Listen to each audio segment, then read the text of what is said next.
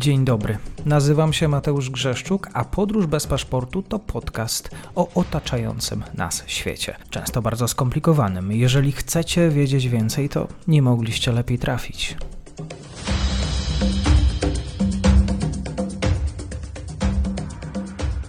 Partnerem odcinka jest Oanda, TMS Brokers, dom maklerski obecny na rynku już od ponad 20 lat. W opisie odcinka znajdziecie link do aplikacji, której możecie otworzyć konto maklerskie i grać na giełdzie, a wcześniej potrenować na koncie demonstracyjnym. Jeżeli otworzycie konto za pośrednictwem tego linku, dostaniecie na start książkę o tematyce inwestycyjnej. Zapraszam, Mateusz. Dzień dobry Państwu, dzień dobry wszystkim słuchaczom. Wielka przyjemność, bo dzisiaj po raz pierwszy jest ze mną Dominik Siepiński, dziennikarz zajmujący się sprawami międzynarodowymi, w szczególności m.in. regionem Ameryki Łacińskiej, Azja i Pacyfik. Kłaniam się nisko, bardzo miło, cieszę się, że się słyszymy. Dzień dobry. Pojawiła się taka nieautoryzowana biografia Milei, bo dzisiaj będziemy rozmawiać o, o Argentynie. Biografia, w której przedstawiany jest ten polityk jako samotnik. Tutaj pojawia się takie nawet hasło nieprzewidywalny. Ciężko się spodziewać, co, jakie, jakie myśli nim kierują, jakie, jakie pobudki. I w latach 80. prawdopodobnie Javier Milei doświadczył w dzieciństwie jakiejś przemocy, przemocy ze strony najbliższych. Pojawiły się wątki znęcania w szkole. I on tam otrzymał przydomek El Loco, e, jeżeli dobrze wypowiedziałem, e, które oznacza szaleniec.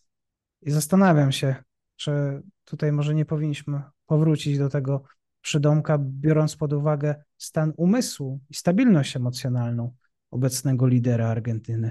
Rzeczywiście w żaden sposób e, nie chciałbym stygmatyzować, czy w ogóle robić jakichkolwiek założeń co do tego, czy, czy, czy Milei jest osobą w jakikolwiek sposób neurodywergentem, czy nie. Natomiast niewątpliwie prezydent Argentyny ma image e, osoby, która faktycznie e, jest nieprzewidywalna politycznie, jest takim, e, takim jednorożcem trochę politycznym, znaczy wystrzelił tej polityce bardzo szybko, właśnie przebojowo i tak naprawdę polityka jest trochę pokłosiem jego też krótkiej tak naprawdę, ale bardzo, bardzo dynamicznej kariery jako komentatora telewizyjnego. Javier Milei został e, tak naprawdę odkryty i wprowadzony do e, polityki czy do salony, mm, do, do opinii publicznej w Argentynie przez e, Ernesto Nekiana, tak naprawdę jednego z najbogatszych Argentyńczyków, właściciela między innymi z jednej strony mm, Aeropuertos Argentinos 2000, czyli spółki zajmującej się operowaniem większości argentyńskich lotnisk, a z drugiej strony potężnego imperium medialnego. Taki trochę mit założycielski Mileja mm, mówi o tym, że Milej po prostu zatrudnił się jako e, ekonomista w, właściwie w Aeropuerto Argentinos i tam odkrył go Urnekian jako osobę, która po pierwsze miała zbieżne z nim poglądy gospodarcze, czy nawet tak naprawdę dużo bardziej na prawo, bo, bo bardziej liberalnych, libertariańskich poglądów niż, niż Milej to naprawdę się chyba już nie da mieć. E, no, a z drugiej strony Ornekian odkrył jako, jako osoba mm, mające doświadczenie w prowadzeniu no, właśnie wielkiego koncernu medialnego, e, że Milej jest e, naprawdę taką e, kurą znoszącą złote jajka, jeśli chodzi o no, przestrzeń komentariatu politycznego czy gospodarczego tak naprawdę. W argentyńskich mediach, w argentyńskiej telewizji poziom debaty jest dużo bardziej powiedzmy żywiołowy niż to, co znamy mm, z Polski czy w ogóle z Europy. E, natomiast Milei, który został zaprasza, zaczął być zapraszany do tych e, mediów należących do Ornekiana, e, bardzo szybko stał się właśnie dzięki tej swojej nieprzewidywalności, dzięki mówieniu temu, co ślina na język przyniesie często, o niestronieniu od przekleństw, niestronieniu od tego performance'u w sensie najbardziej teatralnym, ale też często wypowiedzi, które z gospodarką nie miały zupełnie nic wspólnego. Na przykład jednym z najbardziej chyba znanych takich klipów z początków kariery publicznej Mileja jest to, w talk show opowiadał o tym, że jest ekspertem od seksu tantrycznego. E, to był talk show, w którym miał mówić o gospodarce oczywiście.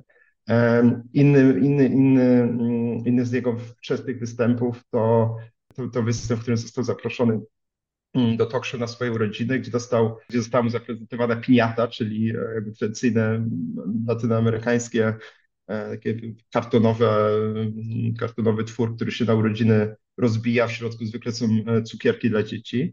Milej dostał piniatę w kształcie budynku Banku Centralnego Argentyńskiego, ponieważ jednym z jego punktów jest krytyka w ogóle instytucji Banku Centralnego.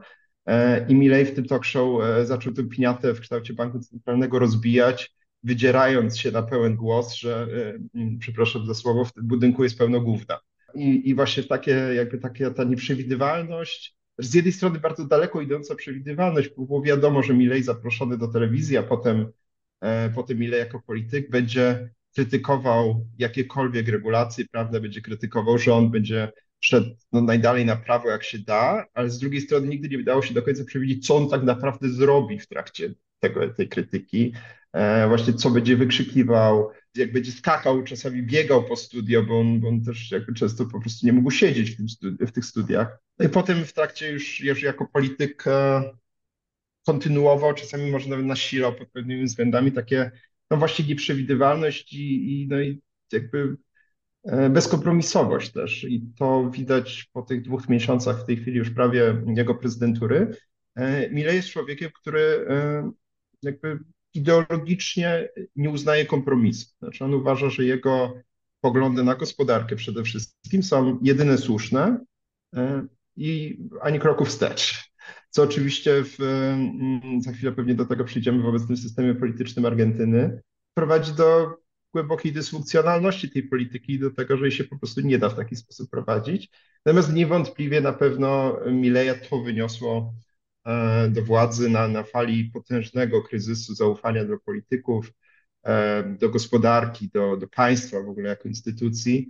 E, to Milej łączący tą bezkompromisową krytykę z swoją taką showmanowością, powiedzmy, performatywnością, z, z, z właśnie z niestronieniem od, od kontrowersji takich nie tylko poglądowych, ale też może nie tylko kontrowersji, co po prostu no, mówienia, co muślina na język przyniesie i, i robienia tego w bardzo żywiołowy, ekspresywny sposób, doprowadziło go do, do prezydentury w Argentynie. A może Milei ma jakąś łagodniejszą stronę, którą ktoś dojrzał, dlatego na niego głosują? Czy wydaje mi się, że głównym powodem głosowania na Milei jest jednak przede wszystkim właśnie to, że on jest e, bezkompromisowo, czy przynajmniej zapowiada bezkompromisowość w rozprawieniu się z tym, co nazywa kastą, czyli, czyli tak naprawdę wszystkim, co było do tej pory w argentyńskiej polityce. E, oczywiście przede wszystkim lewicowością, ale też przynajmniej przed wyborami Milei do kasty jak najbardziej zaliczał też e, swoich obecnych koalicjantów z powiedzmy takiej bardziej systemowej prawicy. Jakby Milei nie ma, w ogóle nie próbował nigdy stworzyć e, wizerunku kogoś, kto jest e, lubiany, powiedzmy, kogoś, kto e, jakby milej nie szuka sympatii takiej w sensie, e, w sensie ludzkim po prostu. On chyba autentycznie go nie interesuje to, czy go wyborcy i wyborczynie lubią. Go interesuje to, żeby był wiarygodny i tę wiarygodność wśród swojej grupy wyborców i wyborczych ma. Interesuje go to, żeby, mm, żeby ludzie mu wierzyli, że on ten system zmieni, czy nie zmieni, tylko po prostu rozwali system, który jest i zbuduje nowy. Milej ma pewne opowieści, pewne cechy, które powodują, że jest przez pewną część ludzi również po prostu lubiany. Na przykład e, jedną z takich historii jest to, e, jak bardzo on e, kocha swoje psy. To oczywiście gdzieś tam jest no, takie po ludzku, da się go lubić za to, że, że jest faktycznie psiarzem, ma ma, ma, miał psa e, mastifa angielskiego w imieniu Conan, którego ponoć e, sklonował po jego śmierci, znaczy no tak. sklonowane zostały cztery nowe albo pięć, są różne źródła, cztery lub pięć nowych szczeniaków, które są genetycznymi kopiami Konana. Natomiast no, to, to są raczej powiedzmy gdzieś tam jakieś takie anegdotki, ciekawostki. Milei nie chce być lubiany. Milei chce być rewolucjonistą, który rozwala argentyńską politykę i jak to się ładnie mówi, w Polsce wywraca stolik i to w sensie takim naprawdę dogłębnym, co oczywiście jakby zapowiedzi jedna, a to co się w tej chwili dzieje, kiedy już prezydentem został, to drugie. Tak wydaje mi się na chłopski rozum, że w sytuacji dużej niestabilności politycznej potrzebny jest zupełnie inny polityk. Argentyńczycy zdecydowali jednak inaczej. W Argentynie wybory, zwłaszcza zeszłoroczne, ale tak naprawdę już od, od wielu kadencji, toczą się przede wszystkim o gospodarkę. To jest kraj, który jest pogrążony w ciągnącym się tak naprawdę od dekad wahaniami, ale, ale głębokim kryzysie gospodarczym, nie mającym z niego, nie mającym pomysłu, jak z tego kryzysu wyjść. Przez ostatni, przez ostatnie lata, przez pandemię ten kryzys się pogłębił, inflacja jest bardzo wysoka, się utrzymuje, peso jest w stanie no, nieopanowanej dewaluacji, jeśli popatrzymy na kurs peso do dolara, to, to jest po prostu prosta linia w dół, czy nie pochyła, ale stabilna linia w dół od, od lat. Tych dolarów zresztą w ogóle w kraju nie ma, no, bieda rośnie. W argentyńskich wyborach w 2023 roku absolutnie nie chodziło o politykę, chodziło o gospodarkę. I Milei wygrał te wybory, bo oferował coś gospodarczo nowego i równocześnie politycznie świeżego, ale też w tym aspekcie gospodarczym, to znaczy mówiąc, że właśnie, że on się nie będzie dogadywał z nikim, tylko zrobi to wszystko po nowemu, co było mm, oczekiwane i wiarygodne, czy oczekiwane dlatego, że mm, wyborcy i wyborczynie w Argentynie faktycznie mieli serdecznie dosyć wszystkich, którzy do tej pory rządzili, e, i prawicy, i lewicy, a Milei ze swoją osobowością, o której mówiliśmy, ze swoją e, faktycznie bardzo krótką karierą polityczną, bo to jest faktycznie jeden z tych, jedna z tych osób, które można powiedzieć, że nie są umoczone, przynajmniej osobiście, e, w jakieś e, wieloletnie układy polityczne, bo Milei do 2020 roku w polityce po prostu nie istnieje. E, no i to jakby to było to, czego głosujący oczekiwali, właśnie ten brak kompromisów i to niedogadywanie się.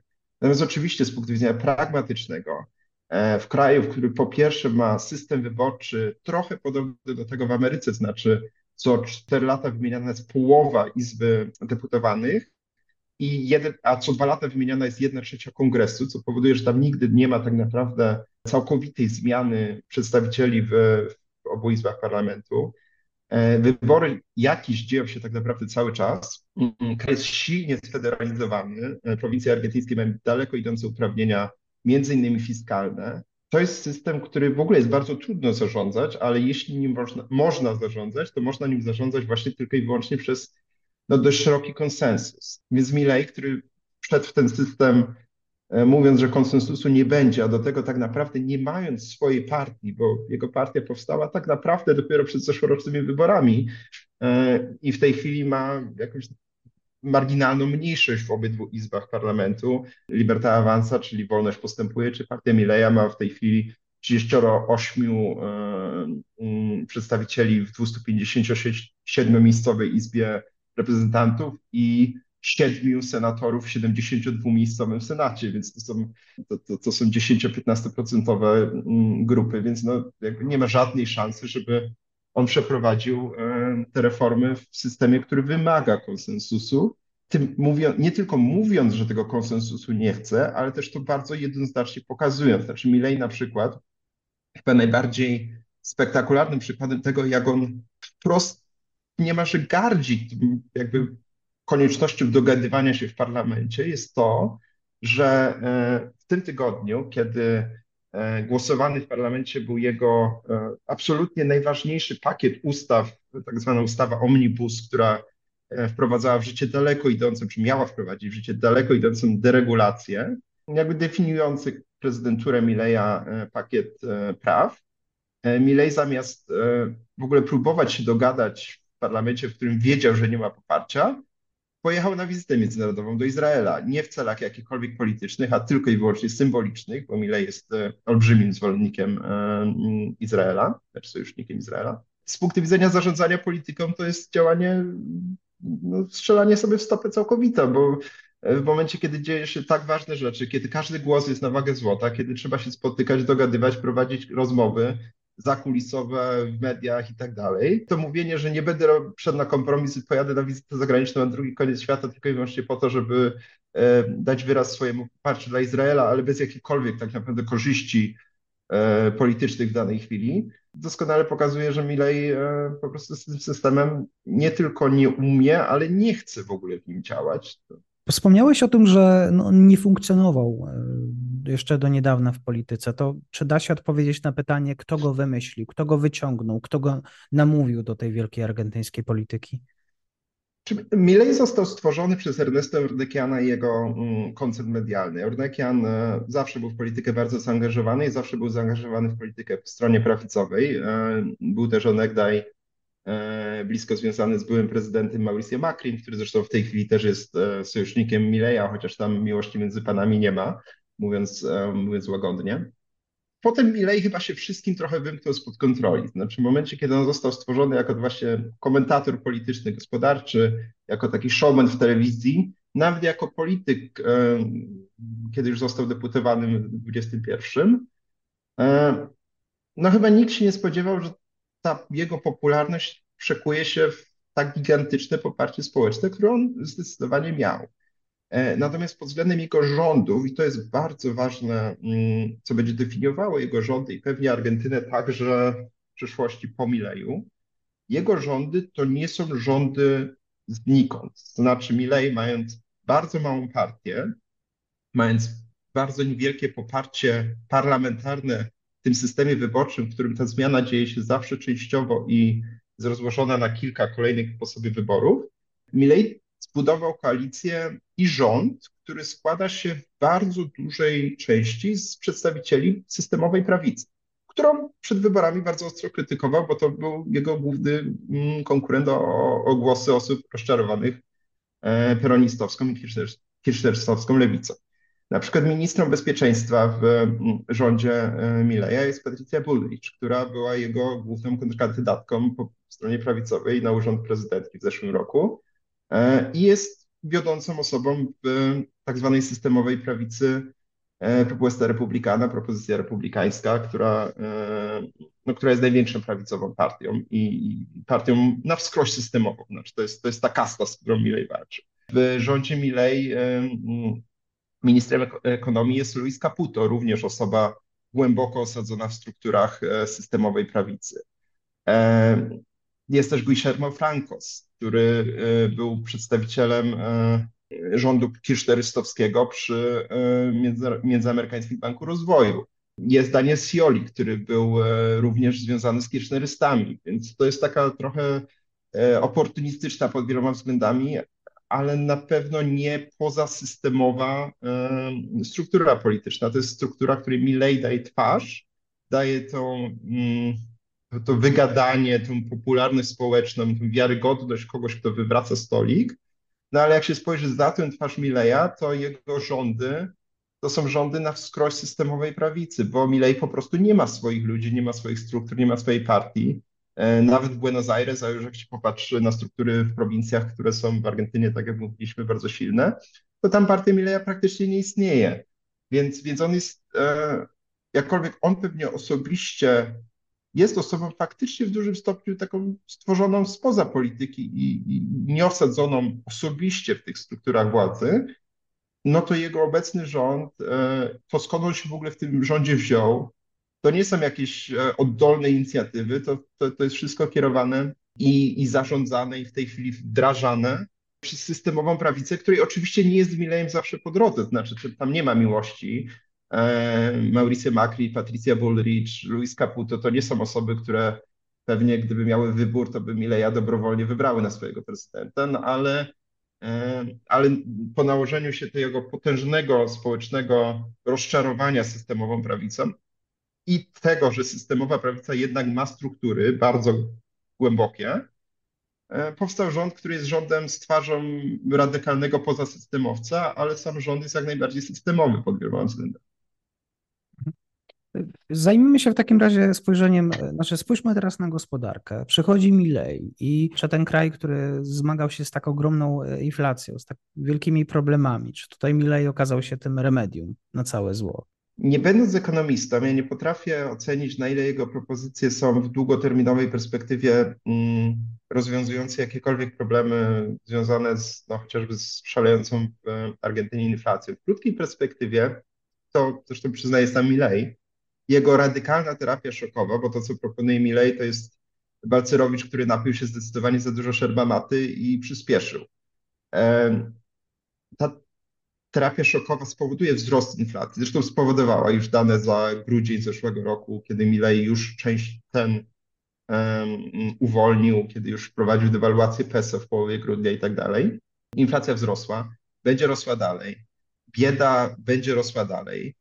E, Co się stanie dalej, ciężko przewidzieć, bo ciężko przewidzieć, co tak naprawdę Milejowi uda się koniec końców wprowadzić. On w tej chwili ciągle rządzi tak naprawdę poprzez dekret, który wydał w połowie grudnia, krótko po objęciu władzy, wykorzystując taki mechanizm prawny, mm, który się nazywa dekretem e, konieczności i pilności, dekret de necesidad urgencia, który no, istnieje w argentyńskim prawie i można go trochę porównać do amerykańskich executive orders. E, natomiast te DNU mm, w Argentynie są wykorzystywane bardzo rzadko i są mocno obwarowane konstytucją, co w nich może być. Sądy to DNU, które Milej wydał już pod wieloma względami obaliły, bo właśnie przekraczało, e, przekraczał te ramy, co można zrobić takim dekretem. Na prawo, które miało wprowadzić te, te zmiany, czyli, czyli prawo omnibus, padło w parlamencie i w tej chwili ciężko przewidzieć, kiedy i w jakiej formie zostanie przyjęte. Więc też bardzo trudno przewidzieć, czy Milei i co Milei tak naprawdę wprowadzi gospodarczo z tego, co zapowiada, bo, no bo przy jego podejściu do pracy w parlamencie, przy, przy jego jakby powiedzmy konfrontacyjnej, lekko mówiąc, łagodnie mówiąc, podejście do, do, do w ogóle procedur parlamentarnych. Wielu z, z jego zapowiedzi nie uda się wprowadzić. Niewątpliwie Argentyna potrzebuje głębokiej zmiany politycznej i gospodarczej. To jest, to jest e, nie można udawać, że, że tam nie ma problemu, bo problem jest bardzo głęboki.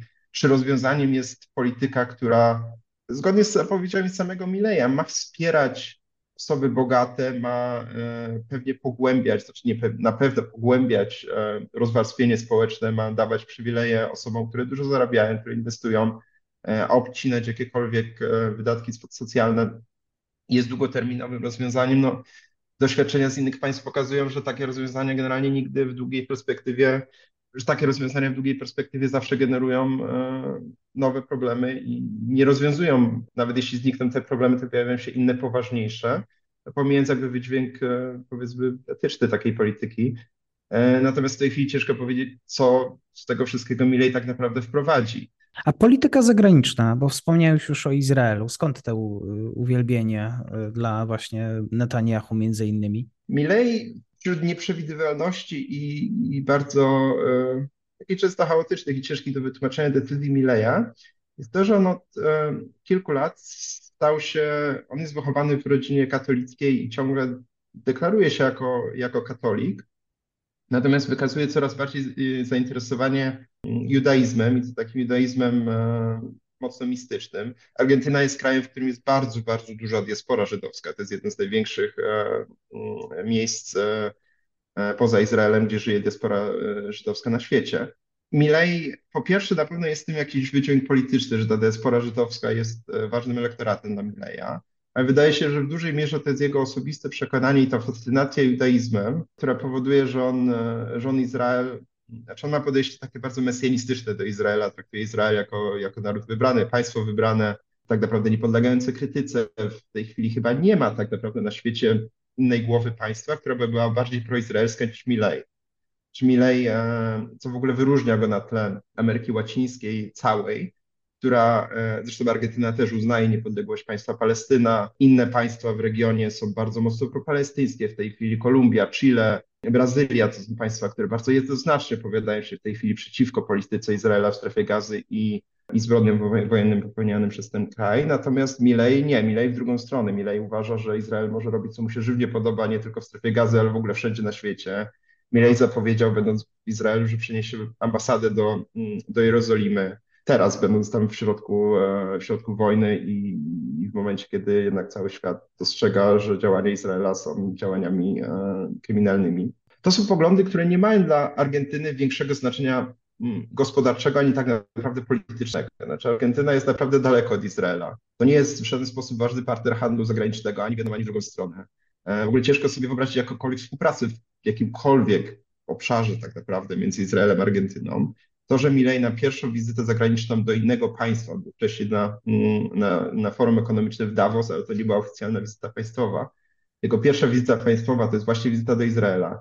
Teraz, e, w trakcie wojny w Gazie, w trakcie e, zmian politycznych czy próby przeprowadzenia mm, ustawy Omnibus przez parlament mm, argentyński, pokazuje, że Milei kieruje się tutaj symboliką i, i przekonaniami, które naprawdę racjonalnie ciężko wytłumaczyć. Zresztą jego wizyta teraz ta państwowa obejmuje też e, Watykan, no i Włochy siłą rzeczy. Natomiast Milei jak na razie nie wybiera się do żadnego z państw, które dla Argentyny mają dużo większe znaczenie gospodarczo-polityczne, ani do Stanów, ani do Brazylii, ani do Chile, ani do Chin, które są największym kredytodawcą Argentyny. Więc, więc naprawdę ciężko zrozumieć na poziomie innym niż symbolicznym. Tu pojawia się pytanie na temat argentyńskiej opozycji, wokół kogo ona się dzisiaj jednoczy, e, jaka temperatura właśnie wśród tych partii politycznych. Opozycja argentyńska jest bardzo zróżnicowana. Znaczy, argentyńska polityka w ogóle jest strasznie podzielona, co wynika częściowo z tego, o czym mówiliśmy, czyli federalizacji, częściowo systemu wyborczego, a częściowo z tego, że tam po prostu ta polityka zawsze jest bardzo dynamiczna i to jest kraj, który jednak ma z przerwami, ale bardzo długą historię demokratyczną. No i siłą rzeczy tych partii się tam e, dużo narodziło. Sam peronizm, kirchneryzm, e, o którym się mówi, że to jest jakby jeden, mm, jeden nurt polityczny, to jest nieprawda. W ramach kirchneryzmu są nurty prawicowe, lewicowe, e, centrowe. Między lewicowymi są spory, bo jest taki lewicowy, inny lewicowy, co oczywiście jeszcze bardziej zarząd, utrudnia zarządzanie argentyńską polityką. Natomiast niewątpliwie opozycja argentyńska ma problem, co z Bilejem zrobić, bo część tej opozycji, na przykład e, partie regionalne czy partie gubernatorów poszczególnych prowincji, niekoniecznie są przeciwko Milejowi, natomiast głównie zależy im na tym, na przykład, żeby mieć jak najwięcej przychodów podatkowych e, zachowywać w prowincjach. E, więc, więc te spory są częściowo sporami merytorycznymi, które pewnie gdyby Milej poszedł na pewne kompromisy, dałoby się rozwiązać. No i z drugiej strony oczywiście opozycja mm, kirchnerystowska lewicowa, na której, której przywódcą w tej chwili coraz bardziej staje się e, Axel Kicillof, czyli bardzo popularny, bardzo charyzmatyczny e, gubernator prowincji Buenos Aires, który, który może być dla Mileja bardzo trudnym rywalem w następnych wyborach, bo e, Kicillof w przeciwieństwie na przykład przede wszystkim do Krystyny Fernandez de Kirchner nie jest za bardzo umoczony w te ciągnące się za kirchnerystami skandale, więc Kisilow e, może też w pewien sposób zaprezentować świeżą twarz kirchneryzmu. I to jest opozycja, którą, z którą, która może się skonsolidować pewnie do pewnego stopnia trochę jak miało to miejsce w Stanach w trakcie poprzednich wyborów, niekoniecznie nawet jakby za kirchneryzmem, ale przeciwko Milejowi. Milej, o czym nie powiedzieliśmy do tej pory, a to jest bardzo ważne, Milej nie do końca e, szanuje koncept praw człowieka w jakimkolwiek jego wydaniu z jednej strony objawia się to tym, że oczywiście jego anarchokapitalizm i, i rób ta co chce ta nie dotyczy na przykład praw kobiet, bo kobiety nie mogą rób ta co chce ta, bo, bo aborcji należy zakazać według Mileja, ale też e, związki zawodowe też nie mogą rób ta co chce ta, bo protesty też należałoby najlepiej zakazać. Zresztą w tym Mileja wspiera Patrycja Bullrich, która, która jest również bardzo, bardzo prawicowa, która wprost mówi o tym, że ona chciałaby na ulicę wyprowadzić wojsko, żeby roz, roz, rozpędzało protesty przeciwko polityce Mileja, które będą narastały, bo Argentyna jest krajem, krajem który ma e, bardzo silną tradycję związków zawodowych, bardzo silne są te związki, one są bardzo liczne, ale też bardzo zmobilizowane i faktycznie potrafią wyprowadzić tysiące, jak nie czasami nawet pewnie miliony ludzi na, na, na ulicę, żeby protestować przeciwko, e, przeciwko rozwiązaniom. E, Milej uważa, że no, że te protesty należy po prostu rozganiać, że, ich, że, że, że jak komuś się nie podoba jego polityka, to ma siedzieć cicho, bo tak jak mówiliśmy, Milej uważa, że jego poglądy polityczne i gospodarcze, głównie gospodarcze, są jedynymi słusznymi. To będzie oczywiście mobilizowało opozycję, bo, bo przy strukturach peronistowsko-kirchnerystowskich, gdzie związki zawodowe mają faktycznie struktury tam, gdzie e, Libertad Avanza ich nie ma, w prowincjach, e, w klasie robotniczej, ale w samym mieście Buenos Aires też, e, które jest gigantycznym, kilkunastomilionowym miastem, w którym po prostu pod względem powiedzmy logistycznym bardzo łatwo dokonać mobilizacji. Jakby protestujących przeciwko polityce Mileja nie trzeba znikąd zwozić, bo oni są w centrum miasta. To jest jakby bardzo silny bastion e, kirchneryzmu, więc ludzie mogą po prostu wyjść z swoich domów i być na ulicy na proteście. Buenos Aires jest miastem też w ogóle, w którym bardzo łatwo protestować, bo to jest e, miasto zaprojektowane tam jego centrum w czasach świetności e, gospodarczej Argentyny, szerokie bulwary, e, jakby ulica e, wiodąca z jednej strony od Casa Rosada, czyli Pałacu Prezydenckiego do Kongresu Argentyńskiego, która ma trochę ponad kilometr, prosta, szeroka ulica, na której po prostu bardzo łatwo wyprowadzić tłum ludzi, żeby tę ulicę za, za, za, zablokowały i, i protestowały przeciwko polityce Mileja, więc na pewno być może pod przewodnictwem Axela Kicillofa ta lewicowo-kirchnerystowska mm, opozycja będzie się konsolidowała wo, wo, wobec sprzeciwu, wobec, e, wobec Mileja. Natomiast sondaże w tej chwili pokazują, które w Argentynie trzeba traktować trochę z przymrużeniem oka, bo one są bardzo mocno skoncentrowane w Buenos Aires, nie do końca były prowincji i tak dalej.